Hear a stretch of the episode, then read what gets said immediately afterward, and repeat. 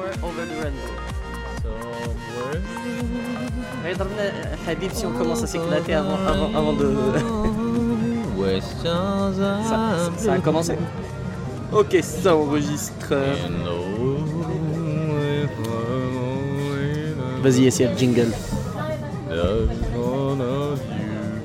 Alors on a appris depuis deux jours que Captain Majid c'était Tsu, Captain Tsubasa. Ah, ouais. Et en japonais c'est les ailes. Ouais, Tsubasa, c'est les ailes. D'accord. Comment Le ça va aujourd'hui mon frérot Alhamdoulilah, et toi La santé. Ça fait plaisir. Ça Je trinque à santé. Première journée de pluie à Casablanca. Mhm. Je me deuxième, deuxième hier. Ouais, bah. Bon, il ouais. a fait un peu chaud et je suis très content qu'il pleuve. Ça nettoiera un peu. Euh, la pluie c'est sympa. Mais à Casa, c'est. Il y a eu des, des inondations hier. Le, le pire, c'est que je vois les vidéos, ça ne m'étonne même plus, c'est devenu euh, commun. Que tu veux des que ah, disent, tu... C'est exactement Ça fait quoi maintenant? Euh, Ça fait 5 ans qu'on vit ça? 5-6 ans? J'ai voit chaque année. l'impression euh, que ça s'enlèvera jamais. C'est Allah le cadeau, s'il faut Allah le cadeau. Super hero. Je te jure, je te jure, Mais, je te jure. Bref, c'est c'est un mais peu. la, la- la faute à qui?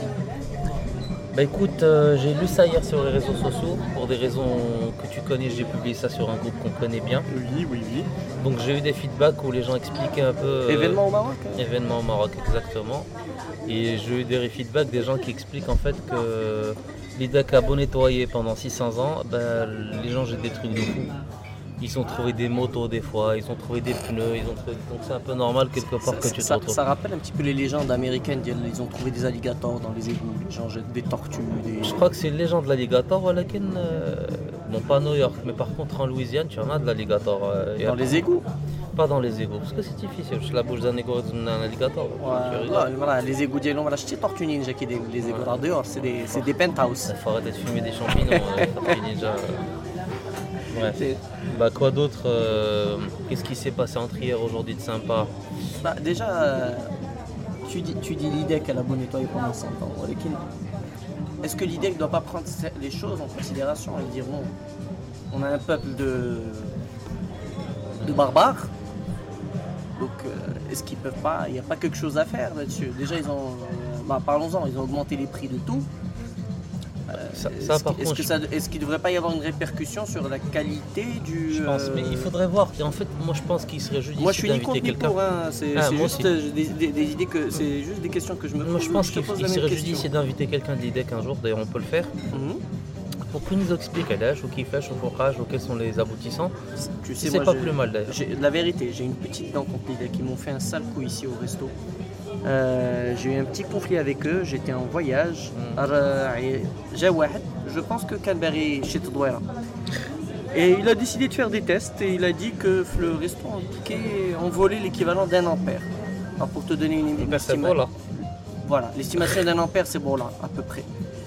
Donc euh, de manière arbitraire, l'IDEC a décidé qu'on devait payer une amende de 50 ou 60 000 dirhams, je ne me rappelle plus de la somme, je parle de ça. Je parle de ça, c'est il y a 6-7 ans. Donc, t'as un ado pendant quelques mois. Parce que ma branche bronchite ferme. Attends, c'est même pas un mois. Ah non, même pas 10 ah jours. Non, ça, a duré euh, peut-être 2 mois, 2 mois et demi. Peut-être même 3 si je dis pas de bêtises. Parce que tu veux c'est quoi mais c'est quoi ce délire? J'ai été à leur bureau pour essayer de parler à un responsable T'imagines que le gars, le de la sécurité, mm. n'a même pas voulu me donner le nom du responsable. Il a dit qui contacte. Et là, on ne vous donne pas bah, ce J'ai essayé de contacter des gens en interne. Mais que dit la loi par rapport à ça bah, Le mec est assermenté, donc dès que dose Et il n'y a pas une procédure pour euh, demander une, une ce qu'a fait le mec assermenté. Tu peux envoyer quelqu'un d'autre, mais l'autre personne n'est pas assermentée. Dez le premier. C'est le seul assermenté, les... ah, Là, c'est pas ça. C'est Grégory Redine 2, entre-temps, vous avez fait des travaux. Mais attends. Vous allez constater. Mais c'est ça, si on a des travaux, tu vas avoir, il va y avoir du ciment, il va y avoir de la casse, il va y avoir un nouveau, je sais pas, des fils qui dépassent ou des, fils neufs, je sais pas. Les travaux, ben, des travaux, ben, il y a des travaux, ben, il y a des travaux, ben, il y Nous, on était ouvert depuis 4 ans. 4 ans. Et t'as jamais eu de problème Ah, 4 ans. 4 ans, ديال شهر شهرين 1 ampère. Donc 1 ampère, boule 100 درهم في الشهر. 100 درهم في الشهر في العام, ça fait 1200 dirhams. En 4 ans, ça fait allez, 5000 dirhams. J'ai la somme 60 000 dirhams T'as engagé un avocat? J'ai engagé que dalle, j'avais déjà pas d'argent. Il m'a dit que l'amende. Euh, ils ont fermé combien de mois là? Trois mois, je t'ai dit. Trois mois sans électricité. Il fallait payer le personnel, il fallait payer le loyer, il fallait payer Zbel, les trucs. Je crois que Nef le euh, tu vas attaquer Redel hein. Tu attaques qui? Mais tu attaques Tu attaques l'IDEC. Putain, alors pas, un, peu- c'est pas un organisme public, c'est un organisme privé, mais, c'est une entreprise. mais attends, toi tu as un avocat, ou mais ils ont une armée d'avocats. Toi l'avocat, ce qu'il te coûte, Hmm. euh, ils vont pas te le payer, toi ton avocat, si tu gagnes. Ah bah tu es pas américaine, dis on te paye des dédommagements, on te paye ton avocat, on paye les frais de la. Là, là, là, toi, c'est très- j'avais pas d'argent, c'est les frais de l'avocat, dit, mais que je En fait, ils bloquent Cheb comme ça, c'est-à-dire s'ils font ça à toi, toi petit bonhomme, si tu n'as pas de, de quoi engager un avocat pour faire des poursuites, bah tu payes, tu vas ta gueule ou tu pleures. Et tu l'y Donc la vérité, j'ai j'ai un petit peu la rage contre eux à ce niveau-là. Mais bon, passons. Ça c'est il y a, il y a de Ça ça, va mieux, 5-6 là ans.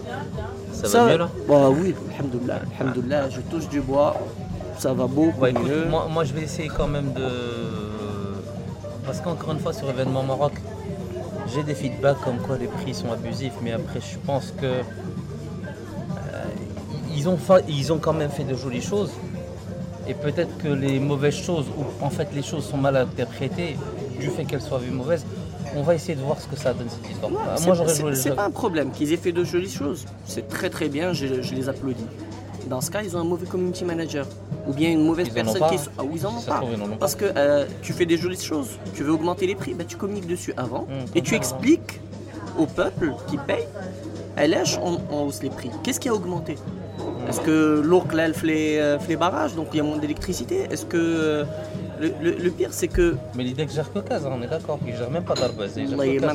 Là, il que Gaza. Parce que c'est l'Office national d'électricité. D'accord. Ok. Encore, aussi d'ailleurs. Encore une fois, à qu'on sache ce pourquoi on paye. Le niveau de la vie là, les salaires n'ont pas forcément suivi, on est en pleine crise et les prix de l'IDEG montent. Et donc les gens disent j'ai plus d'argent et il faut payer plus. Euh, c'est pour ça que je dis, il faut être intelligent. Bon bah s'est plaint de l'IDEC pour des raisons. Là là là, je me plains pas de l'IDEC. Mais... il fallait fallait amener les choses de manière intelligente. Je reformule comme ça, Yacine se fâche pas. Yacine se fâche, Yacine se plaint du comportement de l'IDEC qui lui ont coupé, coupé ça revenu pendant trois mois sans pour autant donner suite à ses revendications. Ouais, surtout qu'ils ont mis au chômage pendant trois mois. Euh, une vingtaine de familles. Bon, heureusement que tu es toujours ouvert, parce qu'il y a série restaurateur si vous ne le savez pas, mais bon, vous le saurez au fur et à mesure que nos aventures continueront. Bon, passé cet Tu, épisode-là, tu m'as dit que tu avais surfé aujourd'hui? Enfin hier. hier, hier, c'est génial. Bah, tu es mouillé, tu es mouillé. Pourquoi tu vas pas surfer à Ouais, ça c'est pas faux. Mais comment était euh, la marée L'eau euh, était chaude, je suis parti vers 6 heures, il y avait de bonnes conditions, il n'y avait pas de vent, il n'y avait pas de bar. Les bars, pour ceux qui ne savent pas ce que c'est, c'est les espèces de vagues des Tijum Jardine Mais qui qui t'empêchent de rentrer, voilà. Donc on est rentré très vite, il y avait une vingtaine de personnes à l'intérieur, c'était génial. كلشي مشى من البحر مع الشتا. البحر خاوي, c'était extraordinaire. Mais Mais qu'est-ce bon, que- ça c'est... Mais qu'est-ce qui t'a donné l'idée d'aller surfer euh, hier Bah, en fait, Min jet. surfer, Et surtout, علاش ما عيطتش ليا علاش ما عيطلكش باسكو البح فين كنتي واحلة الشيف. Ici. Bah c'est Au bien. resto. Bah voilà, il faut Ah travailler. oui, j'ai la Ladies Night mercredi, c'est vrai. Bah, ch'tik. Ah ouais, Euh, je j'aurais dis- pas pu. Eh ben moi les mercredis j'aurais pas d'excuses à te donner. Enfoiré. Bref, non non mais je suis parti en sortant du boulot, j'étais tellement stressé que bon surfer pour ceux qui savent pas te donne une impression de zénitude parce que تدخل الماء ما كاين لا تليفون لا موبيل لا تصدع الراس ما كاين غير نشاط. Mhm. Alors qu'est-ce qui s'est passé de beau entre hier aujourd'hui Tout ça c'est Non, mais tu m'as tu m'as dit ce que qui tu est l'as sorti, sur ouais. le surf aussi. تلاقيت euh, un des meilleurs surfeurs du Maroc à savoir Ramzi Loukhiem. Ouais. Et- Et tu, tu, tu m'as dit qu'un trop le fait. كان غيدخل فيها mais en fait jamais il aurait pu rentrer dedans parce qu'il maîtrisait moi je pensais que c'était un mec lambda تعرفت هو انا carrément mais bon سيد احتراماتي parce qu'il est غزال vraiment gentil Voilà, c'est les surfeurs, ce que j'aime bien faire, c'est متواضعين. لا لا سي لا زينات سي لي ميك. حنا داخل تندخلوا داك 5 متر و 6 متر 10 متر على البحر ما كان غير نكات تجيك الموجة تجيك الموجة tu la prends mais c'est vraiment sympa parce que tu te trouves في الليل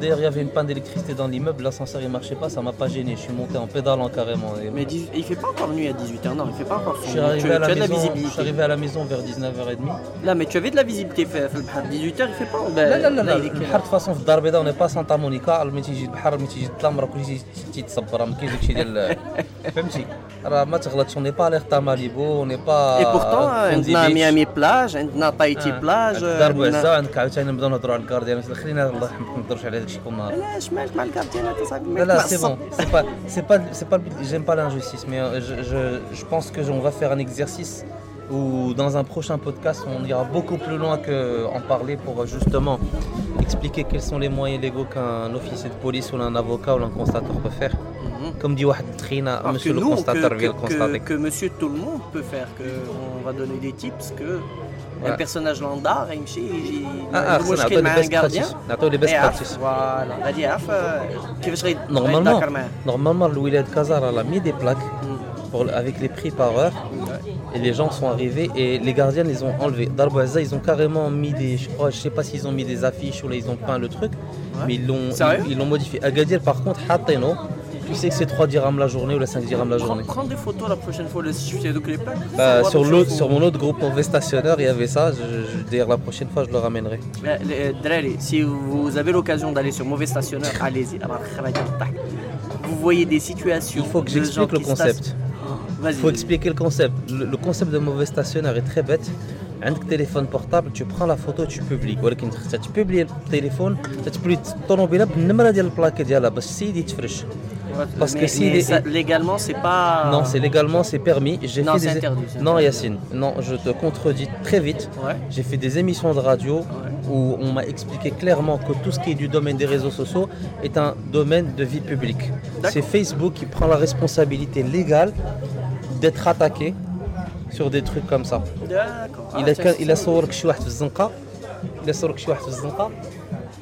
euh, euh, tu peux le traduire en justice. C'est Facebook qui. Le traduire en quelle langue? Euh, choisis la langue que tu veux, il y en a 42 sur le même. Bref, t'as compris ce que je veux dire. Bref, bon, alors ça, c'est un détail. Alors, qu'est-ce qui s'est passé entre. Ah, je voulais parler d'un truc sympa qui arrive aujourd'hui. Hier plutôt. Euh, comme chaque année en septembre, euh, une certaine marque euh, de téléphonie très connue dans le monde, euh, à savoir une pomme, nos copains d'Apple ont, ont sorti ont sorti leurs trois derniers petits bijoux technologiques. Ceci est une révolution. Ouais, comme dirait, comme dirait Monsieur Steve Jobs, euh, euh, c'est une révolution. Donc euh, les trois derniers nouveau-nés s'appellent l'iPhone XS, l'iPhone XR et l'iPhone XS Plus. Laisse-moi laisse deviner. XS Max, je crois. XS Max, voilà. Alors laisse-moi deviner, ils ont pris l'iPhone 10, ils ont, changé la taille et ceci est une révolution. Non, c'est ça? Ou bien ils l'ont agrandi et ceci est une révolution.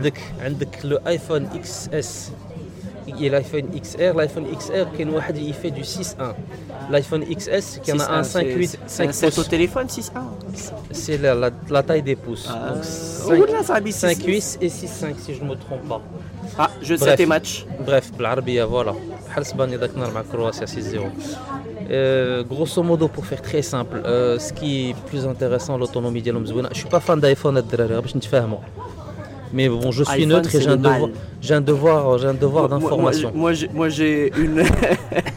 j'ai euh, une idée arrêtée là-dessus. J'ai un devoir d'information euh, qui est de dire les choses comme elles doivent être faites. Et je sais si qu'ils ils ont vendu 200 millions de téléphones. Je, t'arrête, euh, ISR, s'il hmm. te plaît. Si demain on a un sponsor Apple, j'adore iPhone. Je retire ce que j'ai dit, je ne dis suis ça que de l'iPhone, même si je l'iPhone, c'est mm, la marada ou la Ceci est une révolution. Une révolution. Donc, pour faire très vite, euh, le capteur photo est plus intéressant. Euh, on ne va pas rentrer des détails, on n'a pas le temps d'en parler parce que c'est bzève les détails. On les designs, effectivement, ils ont pris celui de l'iPhone 10 et ils l'ont, ou l'iPhone X comme vous voulez, et ils l'ont modelé, refait, affiné, bogosité. L'autonomie est plus sympa, 30 minutes pour, un, pour le XR, je pense, mais on ne va pas en parler avec une certitude c'est rien, et 30 minutes ça compte quand tu as besoin de faire ton dernier WhatsApp. Il est moins cher. Après. Euh, ah, ils ont baissé les prix. Il y en a un qui est moins cher de 100 euros. Ah. Mais le XS Max euh, est toujours supérieur à 100 euros, à 1000 euros et quelques. J'en ai vu un 1090 dollars, j'ai cru C'est celui-là, mon cher ami, je vous confirme. Ah, ok. Bref, donc il est des choses intéressantes. Après, euh, n'oublions pas que iPhone est quand même un des plus gros revendeurs de téléphonie monde un ce qui me pose problème, pour être tout à fait honnête, en tant que consommateur de Android, c'est le, système d'exploitation iOS qui des fois est à ses limites, voire fermé. Il ne te permet pas de faire des choses. Mais ça, c'est mon choix personnel. Moi, je ne peux pas installer une application. Le farq Android et iOS, on va en parler très vite. Euh, Android, tu peux arriver et télécharger une extension APK un site euh, tu fais juste sur saint inconnu permis téléphone, ça fera l'application, ça là le match.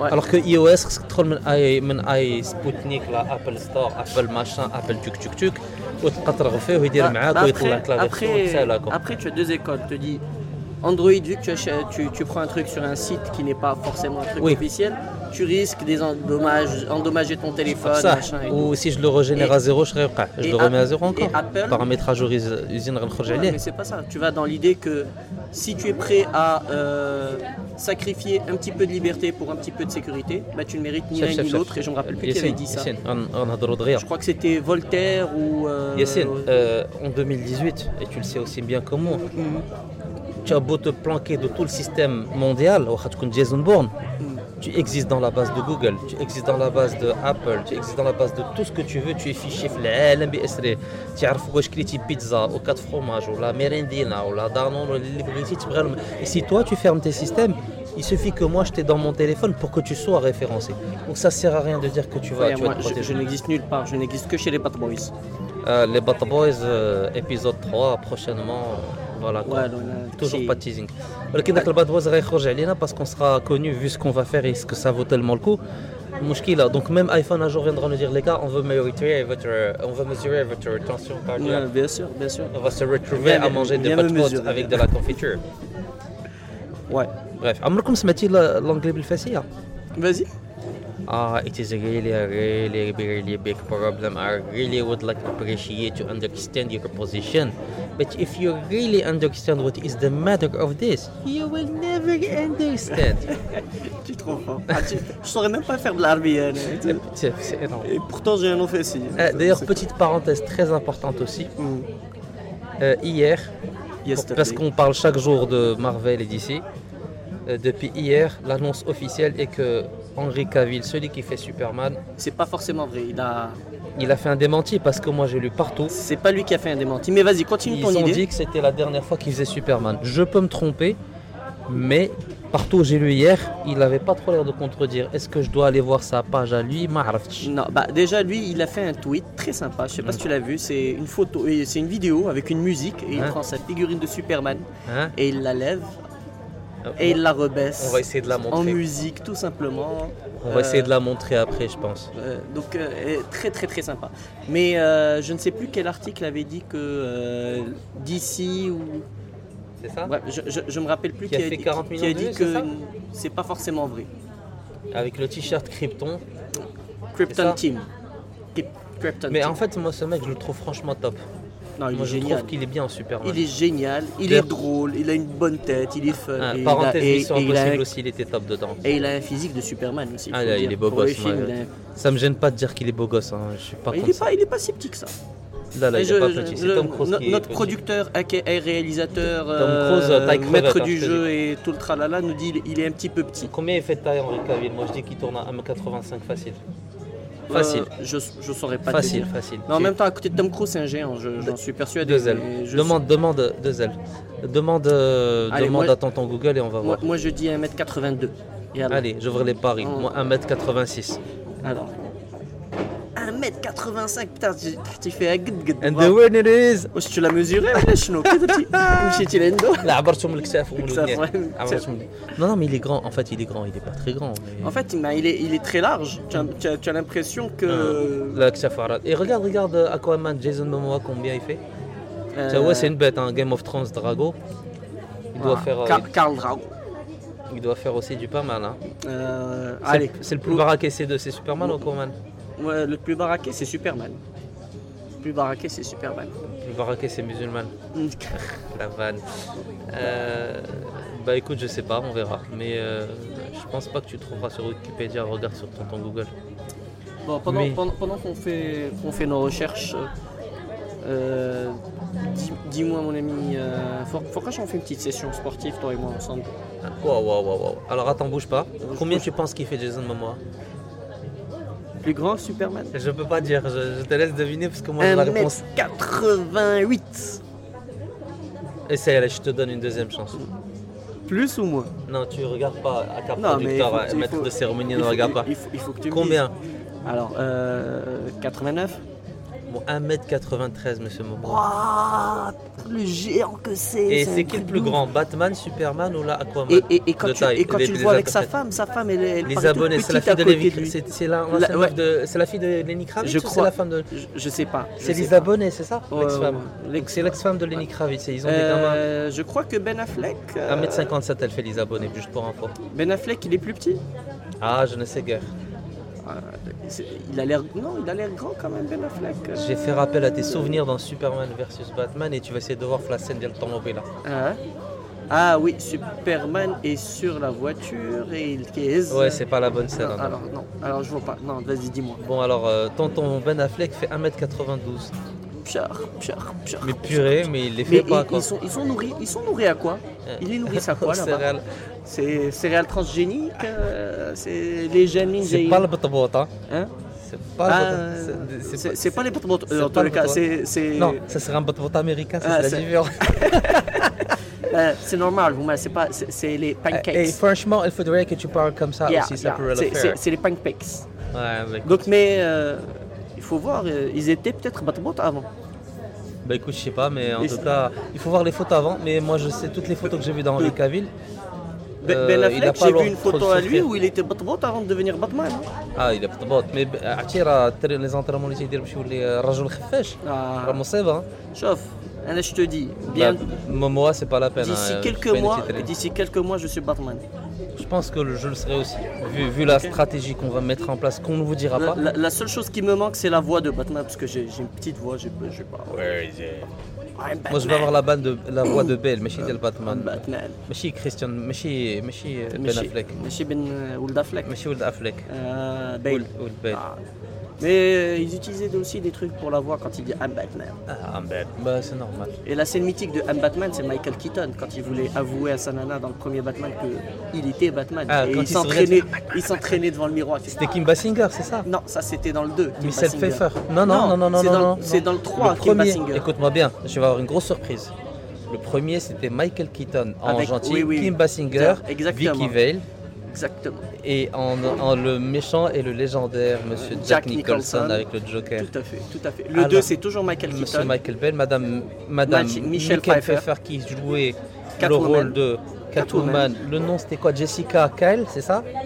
C'est ça? Jessica Kyle?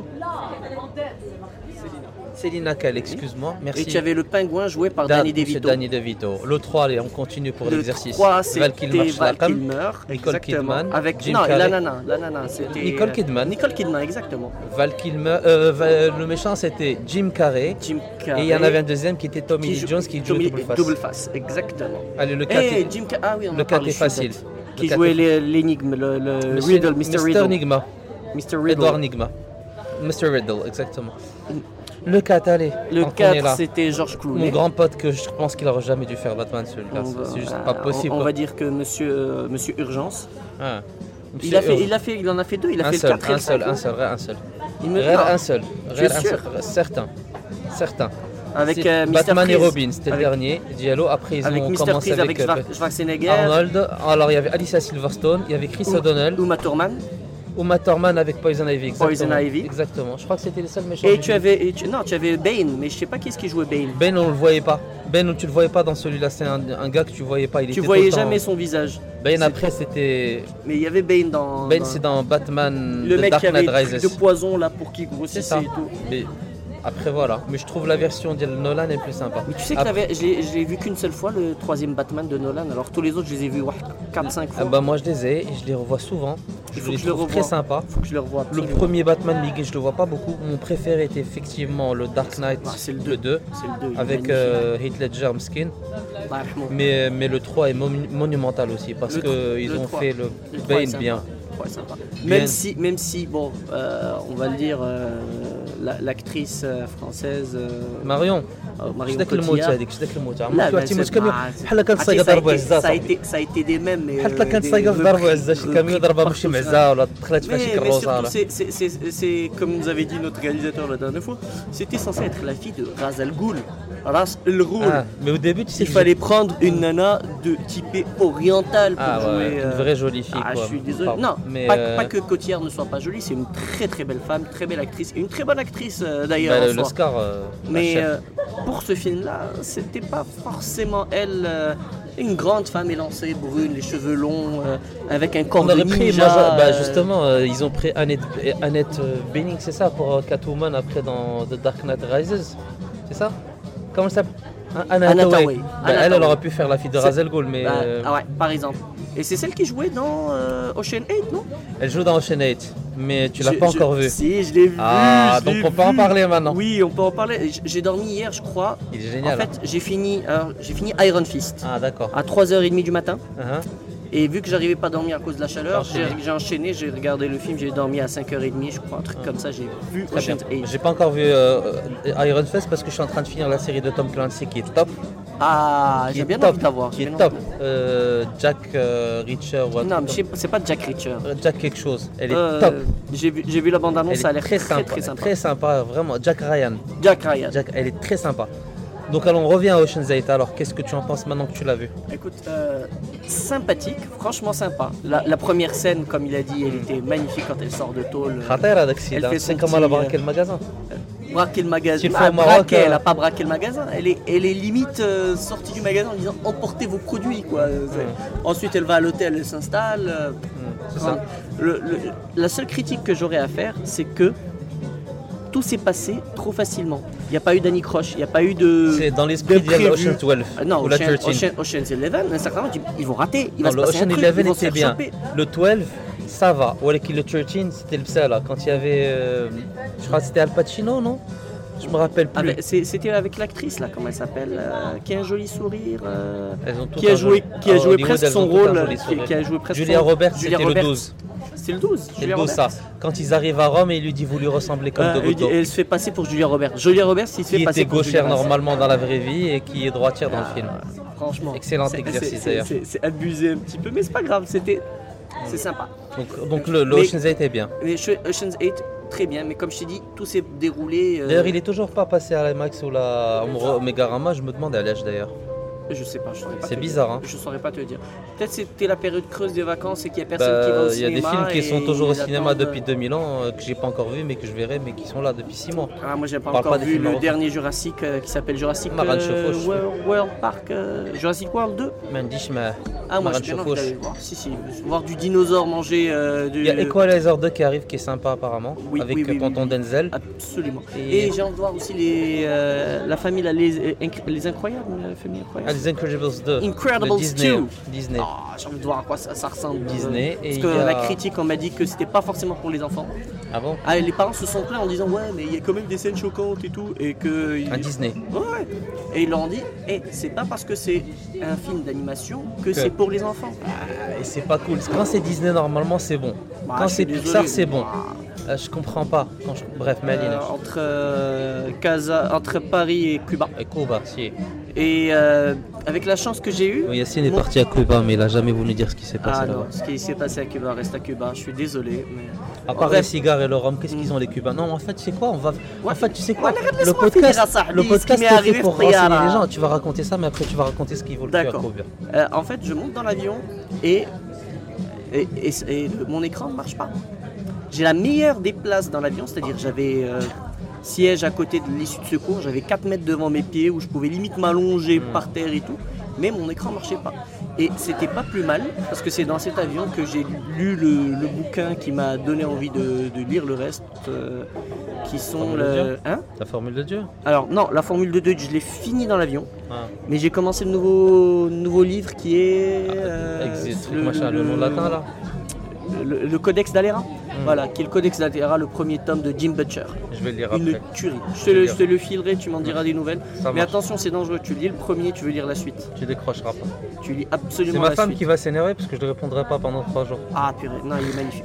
Trois, je l'ai lu en une journée. Bon, c'est 600 Ah. pages, mais je les ai Ah, lus en page à darba, bien. 600. 600. Ah ouais, quand même. Mais je les ai lus euh, limite dans Lui, il l'avion. a pas de cuisine, il a pas de course, il a rien. Lui, il fait ça. Ah écoute, j'étais dans l'avion, copain. Ah bah ouais, t'avais faire ce 5 que heures, je à veux, tuer. moi, dans Tu avais l'avion. 5 heures à tuer. Mais Cuba, alors pour revenir à Cuba, messieurs, si vous allez à Cuba pour euh, vous trouver une copine, laissez tomber. Les Chiraf, les FLM, les cubaines sont pas si jolies que ça. Je suis désolé de tuer un mythe. T'as fait le tour de, le tour de l'île Ah oui, oui, oui, non, non, les, les cubaines, mais chi, mais telt, mec. Mais chi- Il y en a je qui je suis en hein. train d'en voir deux ou trois qui sont en train de pleurer là.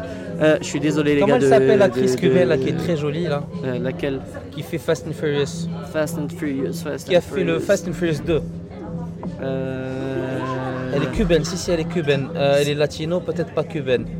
Euh, non, il faut pas confondre. Les plus jolies cubaines, c'est Et portoricaine, euh, je sais Alors, cubaine, moi je sais que Gloria Estefan est cubaine, ça je le sais. Mhm. Elle est jolie quand même. Ah oui, Après... je dis pas qu'il y en a pas, mais là, on en a ouais, vu très, très peu.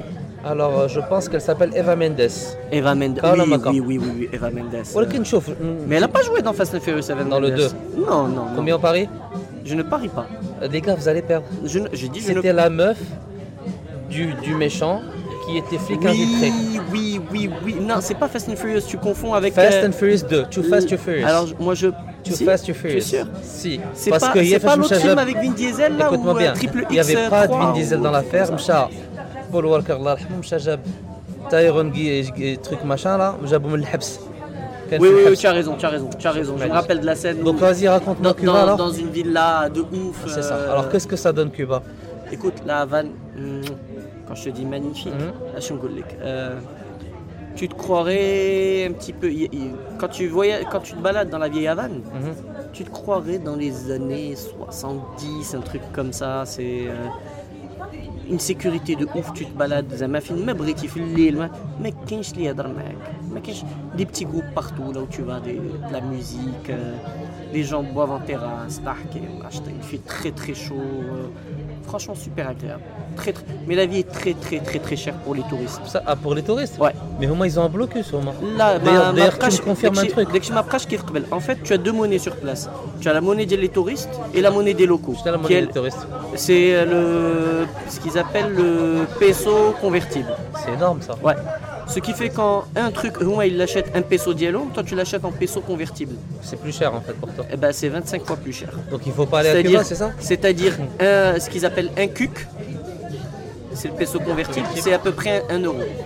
Et Houma, un peso diello équivaut à C'est la 25 politique d'importation. Voilà. C'est-à-dire un, un peso euh, convertible équivaut à 25 pesos diello. Même chicha, J'adore Cuba, même C'est très, très. Mais je sais que les, habitants cubains n'ont pas le droit de côtoyer quelque part les touristes. C'est plus le cas, c'est plus. Ah ça ah s'est lâché. Ça s'est lâché. Et les produits bleu et il n'y a plus de blocus. Euh, un petit peu parce qu'on m'avait dit qu'il y avait pas, ils n'ont pas grand chose, mais qu'Etrolo. Et ce qu'on m'a ce qu'ils m'ont expliqué les Cubains, c'est que leur premier voyage, hmm. ils ont le droit de ramener avec eux 120 euros de produits. Ou la douane ma Et après? Après, euh, c'est comme tout le monde, 20 kilos, un euh, truc comme ça. C'est-à-dire quand je suis arrivé à Cuba, avec moi, il y avait des gens avec moi dans l'avion. Quand ils sont descendus, ils avaient des écrans plats, machin, des cartons, wedding, clélège, machin. Martin Jain, mais je, ils ont ramené plein de trucs avec eux. Plein, plein, plein de trucs avec eux. C'était marrant l'aéroport. Donc Cuba, tu recommandes non, c'est sympa, mais il ne faut pas faire le trajet touristique. Il faut vraiment que tu fasses ton propre truc toi-même. Et, que tu fasses la Havane, que tu ailles à Trinidad, que tu fasses euh, Santa Clara, que tu, tu, ailles- tu ailles faire un petit tour à Cayo Coco ou Cayo Blanco. Des petits trucs comme ça. Cayo Coco. Donc euh, franchement, très très sympa. Par contre, euh, c'est comme si tu nageais dans une baignoire. L'eau est plus chaude que l'air extérieur. Hmm. C'est Comme à Dubaï quoi. Certaines personnes trouvent ça agréable. Moi, j'ai trouvé ça quand même. euh, À Dubaï, j'ai eu ça moi. Tu as envie de te rafraîchir, tu Mm. plonges dans, la mer et c'est aussi chaud que l'extérieur. Bah, à Dubaï, les gens ils nageaient le soir justement Ah. parce qu'il faisait très chaud le jour. Et, et un certain moment, j'ai voulu nager la piscine, je me suis dit qu'elle est peut-être plus fraîche, vu Ah bah que l'eau tourne et tout. Ben, l'eau est encore plus chaude que la mer. Donc il fait très très chaud alors. Ouais, il fait très très très. J'ai pris une, le premier jour, j'ai déjà tharkt, insolation, euh, la totale en un jour. Les, les 24 premières heures, c'est bonjour, tiens, marque. Bah voilà. Voilà, tu, le sais, message. tu sais comment ça marche. Donc, Donc quand tu vas à Cuba, tu prends ta crème solaire, ah un chapeau, tu fais gaffe à ta gueule, tu bronzes et tu fais attention à l'eau, tu traînes pas beaucoup parce qu'il y a insolation. Par contre, les gens sont gentils, euh, adorables, tout ce que tu veux. Ça tu, كيف قلت لك, tu te balades في الليل. J'ai assisté à un concert de Buena Vista Social Club. Ah, Mm, ça, c'est cool, ça. magnifique, magnifique. Franchement, un pur C'est plaisir. sympa ça. Ouais. Mais comme je t'ai dit, pour le touriste, la vie est très, très, très, très, très chère. C'est pas, bah moi j'ai pas été mieux, j'étais au Danemark, c'est très cher aussi. hein, donc, euh, Euh, c'est écoute, très cher. c'est- ouais. Mais bon, C'est une autre donc histoire. Cuba c'est bien. Cuba, c'est sympa. Ah, Franchement, c'est- Et les Cubains sont très agréables, très accueillants. Mais il y a des moches. Parlons de cette théorie. Moi, je suis sûr que dans chaque pays, euh, chaque pays a, le même pourcentage. Parce que je ne suis pas, d'accord. Quand on va dans un pays où il y a que des blonds, peux te dire Là, qu'on est, ça. Est rare. Moi, hein. moi, je suis très sensible à la beauté latino. euh, J'aime bien les, les filles brunes, mates, euh, basanées, tout ça. Information pour les demoiselles qui, qui, qui écoutent, il est célibataire et il aime les meufs latinos qui sont bien typées. Non, euh, mon, mon- mon- ma meuf type préférée, Ah, c'est Salma Hayek. Oh là là, je suis Il est marié un français. Ah, je suis amoureux. Je suis prêt à devenir sa maîtresse, il n'y a pas de souci. Je suis pas jaloux. Je, je suis prêt. Qu'est-ce qu'elle est belle cette femme. Qu'est-ce qu'elle et qu'est-ce qu'elle dégage, une générosité. Oh là là. oh Elle là a là. fait quoi comme film J'ai envie, j'ai de mourir dans ses bras. J'ai envie de mourir. Mon, mon rêve, c'est de mourir dans ses mignon. bras. C'est trop Oh là, mignon. oh là là. Mais je serai l'homme le plus heureux du monde. Et je, je ferai d'elle la femme la plus heureuse du monde. Bah écoute, ça, ça, Ah, je, ça, je, je- serai, au- vu- je serai au petit Oh, chouin. on peut Au pas petit- au filmer, mais je te jure, j'aurais filmé, t'aurais vu la tronche du mec en disant ça et il avait des étoiles dans les oreilles, Ah, Michi dans mais- les yeux. Mais, mais attends, mais tu, tu peux pas dire le contraire. Elle est, elle est magnifique cette femme. Barakallah. Bah écoute, euh, moi quand j'étais plus gamin, Ouais. j'ai rencontré, j'ai vu dans la rue marcher Cindy Crawford. Ouais. Donc si tu veux, bref. Là, ça m'intéresse pas. trop fort. Là- Donc pour toi, la plus belle femme du monde est Salma Hayek. Ah ouais, c'est légitime. c'est mon type de femme. D'accord.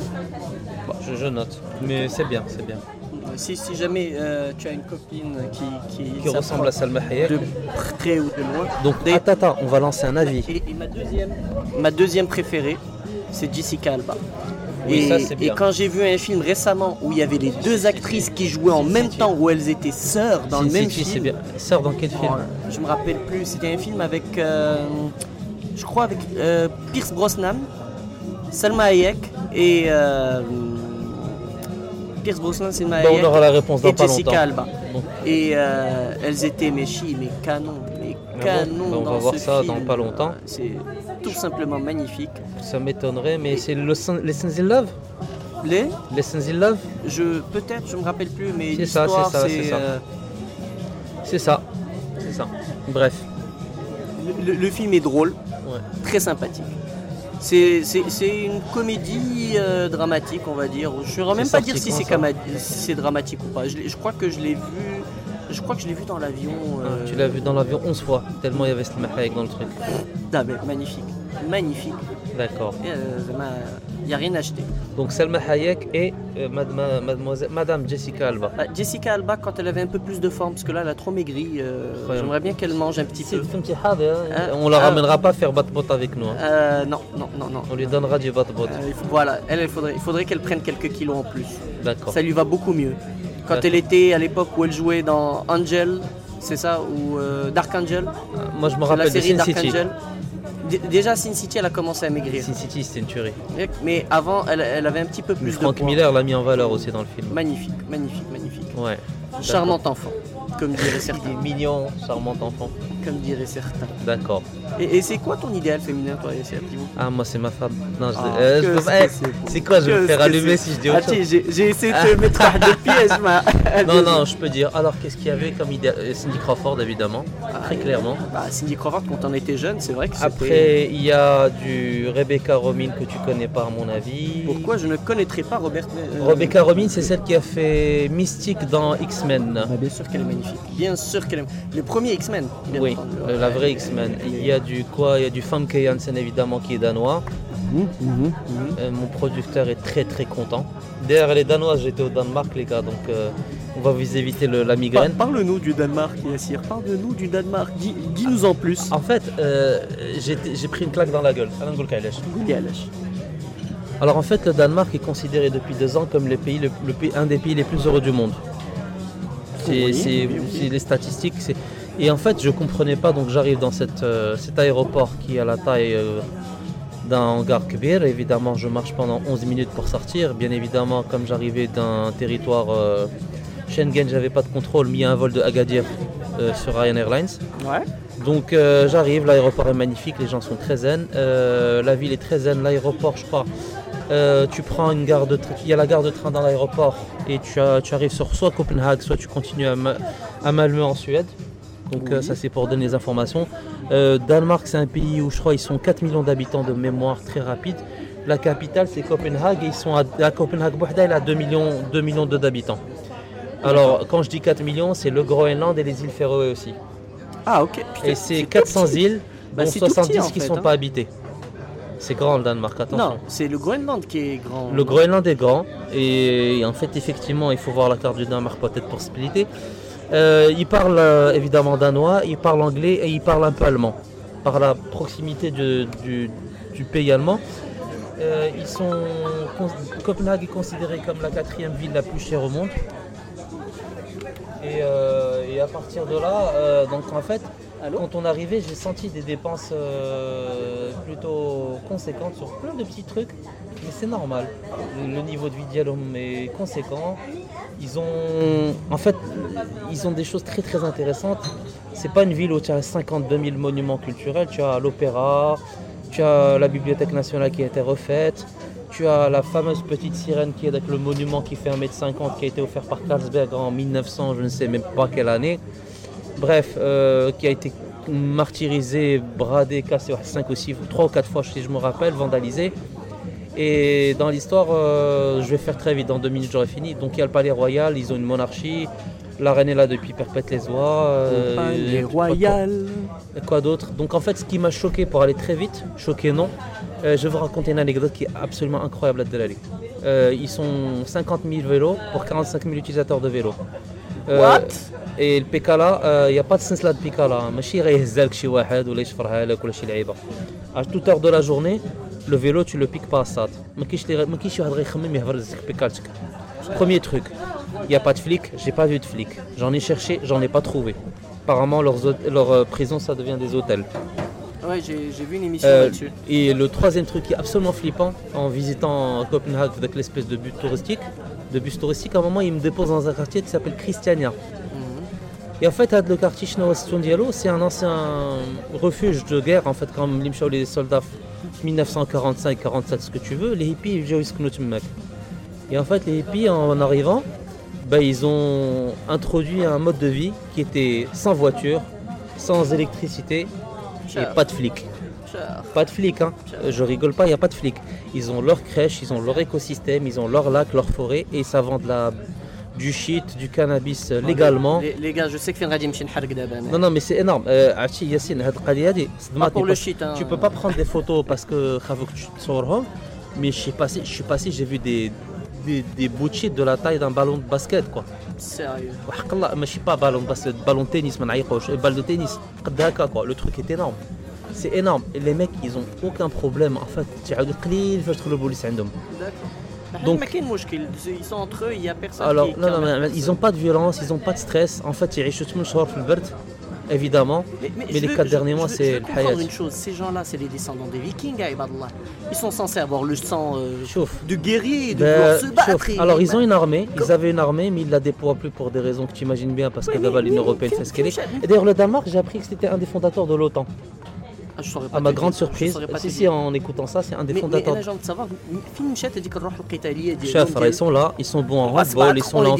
On sait que c'est une des meilleures nations en plein de sports. Le tennis, euh, bon, ils n'ont pas des bons tennismen, mais ils en avaient pendant longtemps. Le foot, ils ont été champions d'Europe alors qu'ils étaient. Björnborg est suédois. Suédois. Euh, tu as du Kenneth Carlsen qui n'est pas une foudre de guerre au tennis. Euh, tu as Caroline Wozniacki qui est danoise. Le handball, c'est des champions du monde. Ils ont le meilleur joueur du monde qui s'appelle Michael Janssen, il joue au PSG. Il s'appelle comment? Michael Janssen, si je me C'est rappelle. Michael Yassine. Michael Yassine, c'est un autre, il joue à, il joue à Euh, euh, le batteur de Metallica a failli faire partie de l'équipe nationale de tennis, il est danois. Euh, les mecs, ils, sont une- ils ont une politique de sport qui baisse là. Moi je vais t'arrêter un petit peu parce que le boulot a commencé, j'ai mes clients qui me regardent avec des gros yeux là comme ça. Ouais. Donc écoute, euh, on, va, on va abréger rapidement. It was the bad boys?